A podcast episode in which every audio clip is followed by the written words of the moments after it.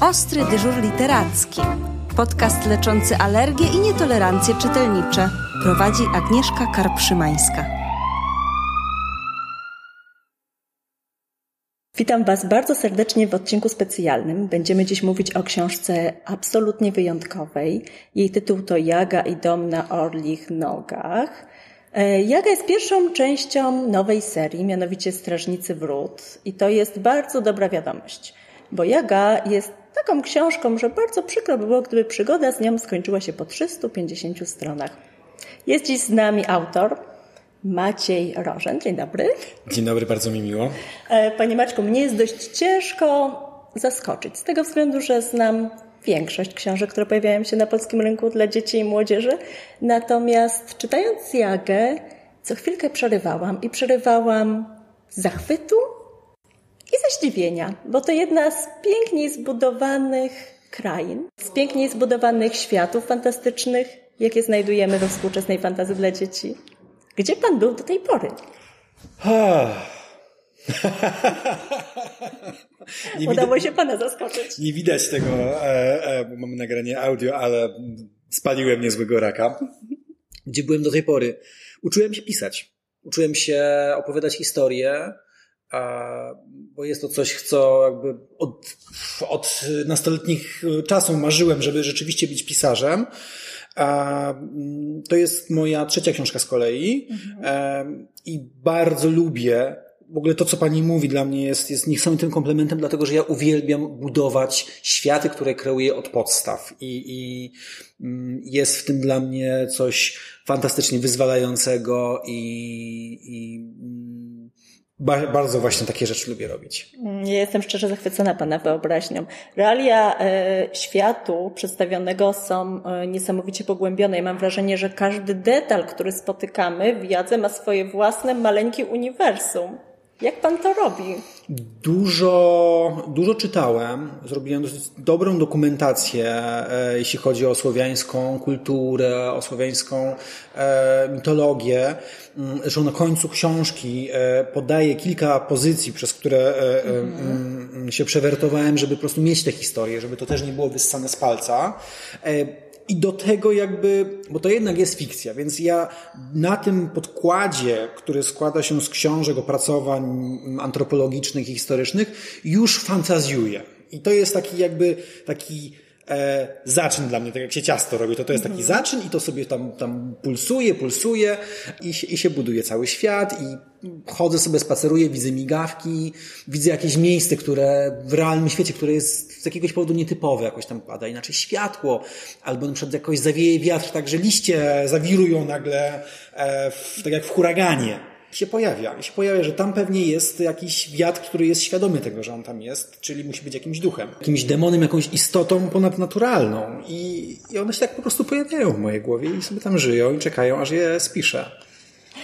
Zaczynam w tym momencie żałować, że nie mamy okazji, by pospacerować po parku, w którym w tym momencie tak pięknie spadają liście.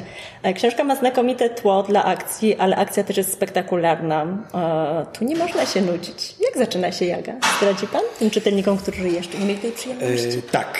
E, zaczynamy historię w momencie, kiedy Jaga goni chlewik na kurzych nogach. Goni go po to, żeby go wyszorować. Bo jest bardzo błocony, jak to chlewiki mają w swojej naturze, lubią być, taplać się w błotku. E, Jaga dostała zadanie, żeby go wyszorować. Chlewik jest duży I brudny. i brudny, ale w każdym razie jest duży. I także jeszcze wredny. E, no, ma, ma charakterek. Ma charakterek, nie lubią się z Jagą. E, ona go uważa za, za takiego trochę swojego arcywroga. Później się okazuje w dalszym rozwoju akcji, że, że to były tylko niewinne igraszki, takie zabawy dziecięce. W każdym razie jest duży, ma charakterek, ma wielkie kurze nogi jak drzewa. Jak chodzi, to dudni. Ale Jaga nie jest tutaj bezbronna, bo ma sakiewkę z magicznymi artefaktami. W niej ma na przykład taki sopel, że jak nim ciśnie w chlewik, to go zamrozi. I to właśnie robi. No właśnie, bo Jaga nie jest zwykłą dziewczynką. Wychowuje się w absolutnie niezwykłej rodzinie i ma też hmm, No właśnie, jest zwykłą czy niezwykłą dziewczynką? Bo ja będę do tego później hmm. nawiązywać. Ma pewne cechy niezwykłe na pewno. Jest zwykłą dziewczynką w niezwykłym świecie. Mhm. Ponieważ ten świat jest niezwykły, to ta jej niezwykłość staje się zwykła, ale też jej charakter. E, ja dużo w niej dawałem prawdziwego człowieka. Zależało mi, żeby była prawdziwym dzieckiem z, ze swoją fantazją, niesfornością, buntem przeciwko dorosłym, którym się wydaje, że wiedzą wszystko, ale też z żałowaniem, jeśli ona popełniła błąd. Mm, natomiast tak, wychowuje się w niezwykłej rodzinie. Jej mama jest uzdrowicielką magicznych e, stworzeń, a jej tata jest hodowcą chat na kurzych nogach. Tak, ten pomysł mnie powalił, muszę powiedzieć. No bo chaty na kurzych nogach, tak, czyli tak naprawdę mm, chatki na kurzej stópce, tak, mm. jakie spotykamy w literaturze, one się mm, co jakiś czas przewijają, natomiast nigdy, nigdy się nie zastanawiam, skąd one się wzięły, tak. Natomiast tutaj nie dość, że one mają te ptasie nogi, co jest całkowicie naturalne, to wyręgają się z jajek, co też jest w tym kontekście zupełnie naturalne. I co więcej, ma pan taki fragment, gdzie one jak takie kury mhm. się gdzieś wygrzewają w słońcu, tak? tak? Przesiadły i się wygrzewają. I to jest tak piękne. Bo to jest rzeczywiście pociągnięcie tematu, pociągnięcie wątku, który doskonale znamy kawałek dalej, czyli troszkę zastanowienie się, co by było dalej, jak one, jak one sobie organizują ten czas, jak spędzają, jaki one mają charakter, e, co lubią, czego nie lubią. I tak naprawdę w tym momencie zaczynamy fantazjować. I aż troszkę się boję, co by się stało, gdybyśmy każdy taki wątek, który jest bardzo klasyczny dla literatury, nie tylko dziecięcej, e, potraktowali w podobny sposób, czyli obudowali go naszą wyobraźnią. Ja myślę, że to jest najlepszy sposób konsumowania literatury. Nie ma lepszego niż brać literaturę i ją budować swoją wyobraźnią. I, i wtedy w wyobraźni się robią wspaniałe miejsca. Mm. Zaczynamy od pościgu i to bardzo nietypowego pościgu, ale później nie zwalnia pan tempa. Właściwie cała ta książka yy, to jedna wielka przygoda i to na takich bardzo wysokich obrotach. Tak, bardzo się starałem, żeby, żeby to jednak miało swoją dynamikę, miało swoje zwroty akcji. Mm, jest to książka akcji dla dzieci. Mm, I o to właśnie chciałam zapytać, bo wiem, że pracuje Pan także w branży związanej z nowymi technologiami, z kinem, z telewizją, ale też z grami. Mm, głównie, jakby takim moim podstawowym zajęciem, e, to jest praca w telewizji dziecięcej.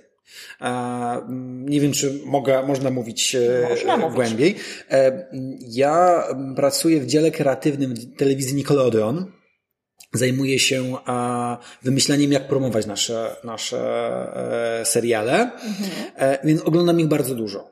Mhm. Zajmuję się, jakby ten, ten zawód wykonuję od kilkunastu lat i on w dużej mierze polega na tym, że ja oglądam rzeczy, myślę, jak je jaką małą historię, taką 30-sekundowy zwiastun, jak, jak je opowiedzieć, żeby nimi zainteresować, e, ale chyba takich mm, filmów, seriali to, nie wiem, z kilka tysięcy obejrzałem przez te 12 lat. Myślę, że nie będzie, nie będzie, nie będzie to przekłamaniem. E, I to w dużej mierze, zwłaszcza, zwłaszcza dla dzieci, zwłaszcza przez te ostatnie 5 lat w Nickelodeonie, to są rzeczy, które są akcją i komedią. Mhm. I tego dzieci szukają w mediach? Hmm, nie wiem, czy dzieci, ja tego szukam.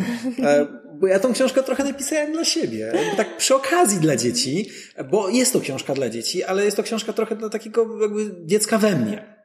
E, I ją pisałem tak jakby wiedząc, e, wiedząc jakby jakie są wymogi gatunku, mhm. bo jest to książka napisana w gatunku, jakby z szacunkiem też dla czytelnika, że on sięga po coś mhm. i będzie pozytywnie zaskakiwany fabułą, zwrotami akcji, ale nie będzie zaskakiwany na takim poziomie, że, że wziął komedię sensacyjną dla dzieci, więc to będzie komedia sensacyjna dla dzieci. Na tym mi bardzo zależało. Mhm. A, mm, a do tego dodawałem jakby dużo takiego, takiej głębi serca, żeby tam też była jakaś szczerość, jakaś prawda, żeby to nie, nie było tylko, tylko czcza rozrywka, ale żeby tam też było coś głębszego. Hmm. No właśnie, ja tak się zastanawiam, bo skoro jest Pan zwią człowiekiem związanym z, mm, z telewizją, z właściwie z główną konkurencją dla książki. Czy to jest tak, że to Pana doświadczenie zawodowe trochę pomaga budować książki, które mają szansę ocaleć w świecie nowych technologii? E, czy właśnie Pan próbuje przekonać dzieci, że e, książka równie e, głębokie, fantastyczne doznania może im fundować, jak na przykład telewizja czy gry? Hmm. Czy w ogóle ma Pan takie przemyślenia, że to rzeczywiście są takie światy, które powinny się przenikać, powinny się gdzieś spotykać? e, a czasami są przez siebie wykluczane? To jest bardzo trudne pytanie, mhm. bo żyjemy w świecie, który dosyć sporo pędzi, a ilość czasu jest ograniczona. Więc mhm. Tego czasu, który możemy poświęcić na tak zwaną rozrywkę, to wszystko tam konkuruje. Będzie konkurował spacer, będzie konkurowała książka, e, gra wideo, e, mm, serial na Netflixie. E, mm, dobrze napisana książka dzisiaj, ona powinna wiedzieć, w jakim otoczeniu e, konkuruje. Mhm. E, I mm, tempo to jest coś, coś na pewno mocno zmieniło, więc, więc chociażby to, że zaczynam z mocnym przytupem, jest też po to, żeby, żeby to tempo właśnie było szybsze, żeby, mm, żeby ktoś, kto jest wychowany na serialach w Netflixie, nie rozczarował się tutaj. Mm, natomiast no jest to też książka, która ma 350 stron, także ona ma swój ciężar, ale on jest inaczej rozłożony. Mhm. I jest w niej sporo opisów tych miejsc, e, ale zawsze staram się, żeby to nie były sążniste trzy stron, stronice opisu, tylko jest opis, kawałek dialogu, akcja. Nie, opisy są absolutnie przepiękne. Znaczy ja bym mogła spokojnie same te opisy. Bardzo dziękuję. Bardzo dziękuję. Też mi się wydaje, że, że dlatego jest takie wrażenie, że e, gdzieś to udało nam się ograniczyć właśnie do takiego niedosytu. Mhm. Tutaj wielkie podziękowania dla mojej redaktorki, pani Janny Liszewskiej, która momentami naprawdę mi przyciągała cugli. E, ale też właśnie powiedziała, że, że e, i to też było dla mnie bardzo miłe, że, że jest tu po prostu tyle gdzieś światów zachomikowanych, że o każdym można by jeszcze jakąś małą książkę napisać. No właśnie o tym mówiłam na początku, że tak naprawdę mam wrażenie, mm. że to jest taka trochę powieść szkatułkowa, że te e, szkatułki się mieszczą w każdym zdaniu kolejnej i kolejnej. Być mm. może mogą powstawać osobne opowiadania właśnie e, bazując na e, konkretnych wątkach. No ja, ja jestem e, fanem budowania takich uniwersów, jak jak na przykład mm. Marvel zbudował wokół e, swoich, swoich komiksów, a, gdzie rzeczywiście egzystują dookoła siebie pewne rzeczy, które możemy rozbudowywać, rozszerzając świat. Mhm. A, i, i, nie ukrywam, że inspiruję się też takimi właśnie rzeczami, więc e, wracając jakby do poprzedniego pytania, inspiracje mogą iść w każdą stronę mhm. i nie tyle konkurujemy z serialami, z kinem, z grami, co po prostu z nimi rozmawiamy. I, mhm. i wielokrotnie pisząc, pisząc Jagę, przed Jaga ma takie gogle, e, w których są szkła prawdziwego widzenia. One sprawiają, że Jaga widzi linię mocy. Mhm. I dla mnie było to, widzi, widzi czary, widzi, widzi jakby aurę postaci. Dla mnie było to jakby takie najlepsze przełożenie tego, co ja znam z gier, bardziej mhm. niż z książek. To znaczy, E, z gier prowadzonych w pierwszej osobie, gdzie patrzę, e, patrzę w ekran oczami tej, tej postaci, którą gram i widzę takie rzeczy. Widzę, jakie, to, jakie, jakie, jakie przeciwnik ma statystyki, a e, widzę może, że ma jakąś barierę ochronną. Więc ja się tego nauczyłem z gier, bardziej niż z książek i wniosłem to do świata książek. I to jest absolutnie niesamowite. Myśli pan, że Jaga to jest dobry materiał na grę? Ma pan takie pokusy, żeby może kiedyś ją przełożyć? Może powiedziałbym, że mam takie marzenie, żeby ten świat y, wyszedł z książek i też trafił na inne media. byłoby to wspaniale zobaczyć, jak mistrzowie w swoich dziedzinach, artyści wizualni biorą tą książkę i znowu pokazują mi, jak oni ją widzą. No bo, no bo wtedy to jest coś jeszcze bardziej fenomenalnego, jak jeszcze inni ludzie o innych wrażliwościach Mm, e, przetworzą ten mój sen na swój sen. To mhm. tak jak jest okładka Jagi. Zresztą przepiękna okładka. Tutaj mamy na stole e, egzemplarz książki, ja sobie na niego patrzę. E, okładka autorstwa Agnieszki Wajdy, która pokazała, jak ona widzi Jagę, jak widzi Krzysztofa Strachotę, czyli główny czarny charakter. Jest w tym i jednocześnie taka mm, przygoda, ale też jest w tym dużo mroku. Jest to świetne też streszczenie tej książki, dlatego że tam jest i akcja, i przygoda, ale jest też mrok. Jest tam też, też dużo rzeczy, których się można bać. Mhm. A ja zawsze uważałem, że dzieci lubią się trochę pobać. Ja słyszałam taką opinię, że może ta okładka jest y, zbyt ciemna. Ja się absolutnie z tym nie zgadzam. Uważam, że ta okładka Traktuje poważnie czytelnika przede wszystkim, e, ale do tego czytelnika e, i do samej scenerii Jagi odrobinę bym chciała wrócić, bo Jaga powstała w Krakowie. W dosyć niezwykłych okolicznościach, prawda?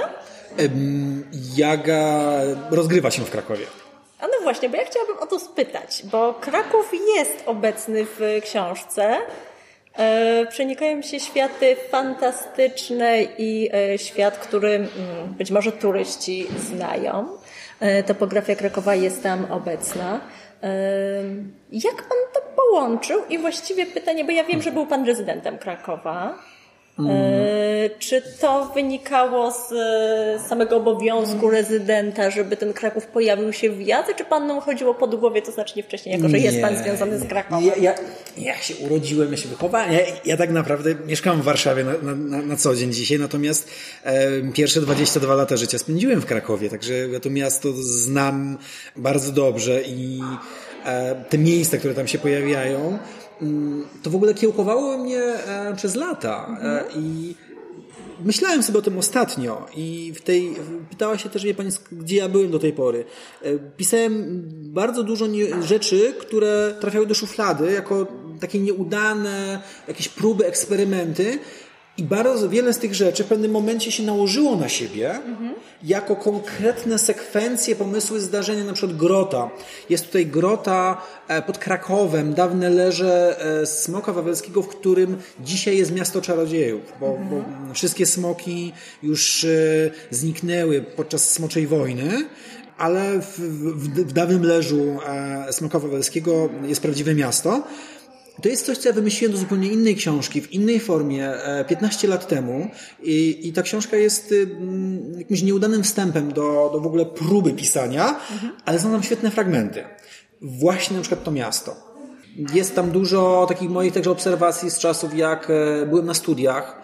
E, studiowałem na ulicy Grodzkiej, studiowałem przy samej płycie rynku i, i jakby widywałem te miejsca w przeróżnych godzinach i gdzieś to się później pojawiało. Jakby bardzo łatwo mogę wrócić do, do moich własnych wspomnień tych miejsc mhm. i, i na nich nabudowywać już. W książce są wyraźne odniesienia do mitologii słowiańskiej. Pan już o tym troszeczkę wcześniej powiedział. E, czy, y, czy to jest wynik Pana jakiegoś pogłębiania wiedzy, pogłębiania zainteresowań przy okazji pracy nad samą książką, czy to właściwie jest taki temat, który był zawsze Panu bliski? To szło równolegle. Mm, wychowałem się na literaturze fantazy, głównie anglosaskiej, no bo siłą rzeczy 20-30 lat temu e, jej było najwięcej. Mm, ale w pewnym momencie pojawił się też Wiedźmin, e, który mnie mocno ukształtował. No tak. Myślę, że czytałem tą sagę od 10 do 15 razy. E, do tego jeszcze gra, do tego jeszcze e, słuchowisko e, w genialnym wykonaniu interpretacji studia Fonopolis. Mhm.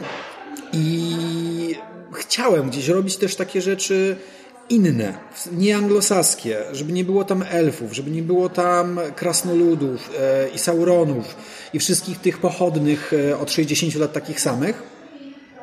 A i mniej więcej w tym samym czasie w Polsce zaczęły się pojawiać świetne współczesne opracowania mm, antropologiczne i historyczne e, naszych słowiańskich e, e, historii, baśni, postaci, więc mogłem o tym sobie zacząć czytać. Mhm. Wtedy to już jakby zaskoczyły, jakby było, było z mojej strony dążenie i marzenie, ale były też podwaliny, żebym ten świat mógł zbudować, żeby on właśnie miał to rusztowanie, to konstrukcję, która tak się Pani spodobała, żeby nie wymyśleć za dużo ze swojej głowy, ale żeby móc się oprzeć na czymś, co właśnie co było i co jest też w naszej zbiorowej świadomości. Co by oznaczało, że Jaga może być inspiracją do dalszych poszukiwań? Mm, dla kogo? dla właśnie dla młodego czytelnika. Myślę, że tak. Myślę, że tak, bo jest tam, jest tam e, pojawia się tam Jan Twardowski, mhm. który jest znany e, w polskiej literaturze. Pojawia się tam e, trochę świąt albo wariacji na temat świąt, które kiedyś były. E, I wiele, wiele takich post, istot magicznych. E, jak e, na przykład kręciołki, czyli demony powietrza, mhm. jak pasterz drzew, czyli duch opiekun drzew, jak nocnica, czyli mroczna wróżka. To są rzeczy, których ja nie wymyśliłem. Jakby ja nadałem im kształt, tak, tak jak one wyglądają, dałem im charakter, osobowość, natomiast same postacie są wzięte e, z mm, polskiego folkloru. Mhm. A planetnicy? Też. E, planetnicy e, to byli, mm, oni wypasali chmury burzowe i byli duzi, wielcy, bo, bo chmury są ciężkie.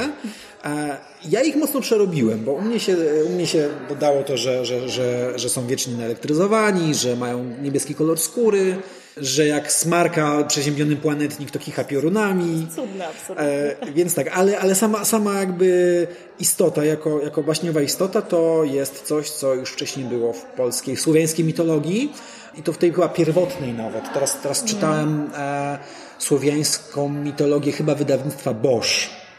Niestety z, z głowy nie pamiętam e, e, nazwisk twórców, ale właśnie między innymi tam, tam jest, jest legenda odtworzona taka na, na bazie tego, co kiedyś można było o, o, o, usłyszeć właśnie o planetniku.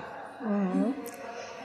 Jaga jest niezwykłą książką. E, na szczęście to pierwsza część serii.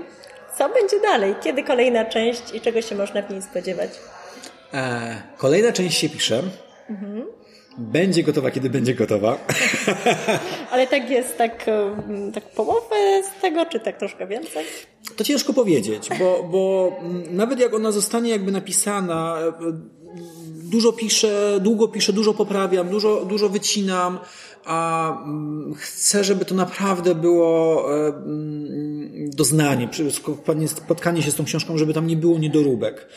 E, mam nadzieję, że, że nie, będę, nie, nie każę czytelnikom długo czekać, natomiast bardzo mi zależy, bo też y, dla mnie niesamowitym jest taka mała dygresja. Niesamowitym jest to, jak, jak, jak, ja pracuję jako pisarz, to jestem sobie zamknięty ze swoim komputerem, ze swoimi książkami. E, od czasu do czasu w tej mojej ciemnej e, celi pojawia się e, światło w postaci redaktorki, ale tak to ja, ja z tym siedzę sam mhm. ze swoimi wszystkimi wątpliwościami. E, czy to jest dobre, czy to jest śmieszne, czy to nie jest nużące. A, i, i, po wielu miesiącach takiej, takiej intensywnej pracy książka się pojawia. Jest taki moment niepewności. Pojawiają się pierwsze komentarze. I ja po prostu, no, banan miałem na twarzy taki, jak czytam komentarze ludzi, którzy są zachwyceni. Więc ja teraz jestem przerażony, bo ja muszę jakby Bardzo zrobić wszystko, żeby. Postawił. Tak, tak. Jest, naprawdę muszę zrobić wszystko, żeby tych ludzi nie zawieść i bardzo mi na tym zależy. Więc e, sobie powiedziałem, że napiszę pierwszą wersję, później ją położę na jakiś czas, mm, pewnie z miesiąc, żeby ona sobie poleżała, e, żeby brać dystansu i wtedy zacznę ją czytać, wtedy zacznę ją poprawiać i przepisywać, potem jeszcze z redaktorką. Więc jest to dosyć skomplikowany proces, jeśli chce się oddać książkę, która która nie zniknie z głowy po tygodniu od przeczytania. A mhm. bardzo cenię książki, które nie znikają mi z głowy po tygodniu od przeczytania i, i są takie, a są też takie, które człowiek przeczyta, no fajnie, pięknie, ale, ale po chwili już nie pamięta, co tam było. I ja bardzo chciałbym pisać te pierwsze, a nie te drugie, mhm. a na to potrzeba czasu. No tak.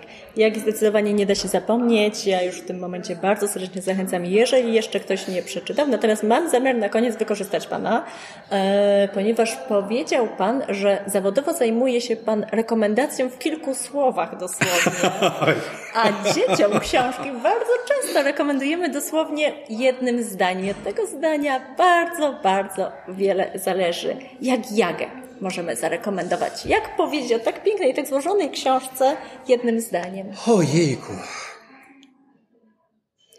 Ojejku. To jest zawsze najtrudniejsze. E, zebrać, zebrać coś, nad czym się tak tyle pracowało w jednym zdaniu. Jaga to jest e, książka przygodowo-komediowa o prawdziwej dziewczynce, która e, myśli, czuje, jest wrażliwa a jednocześnie potrafi czarować. Pojawia się w pewnym momencie w Krakowie, który jest pełen baśniowych postaci e, i mm, zamieszka razem z Twardowskim, Janem Twardowskim, w domu niespokojnej starości dla magicznych istot. Bardzo serdecznie dziękuję i to widać po tym, co Pan powiedział, jak jest y, napisana książka. Udało się Panu stworzyć bardzo długie zdanie, ale cieszę się, bo o tej książce trzeba długo mówić, bo jest fantastyczne. Dziękuję pięknie. Dziękuję pięknie.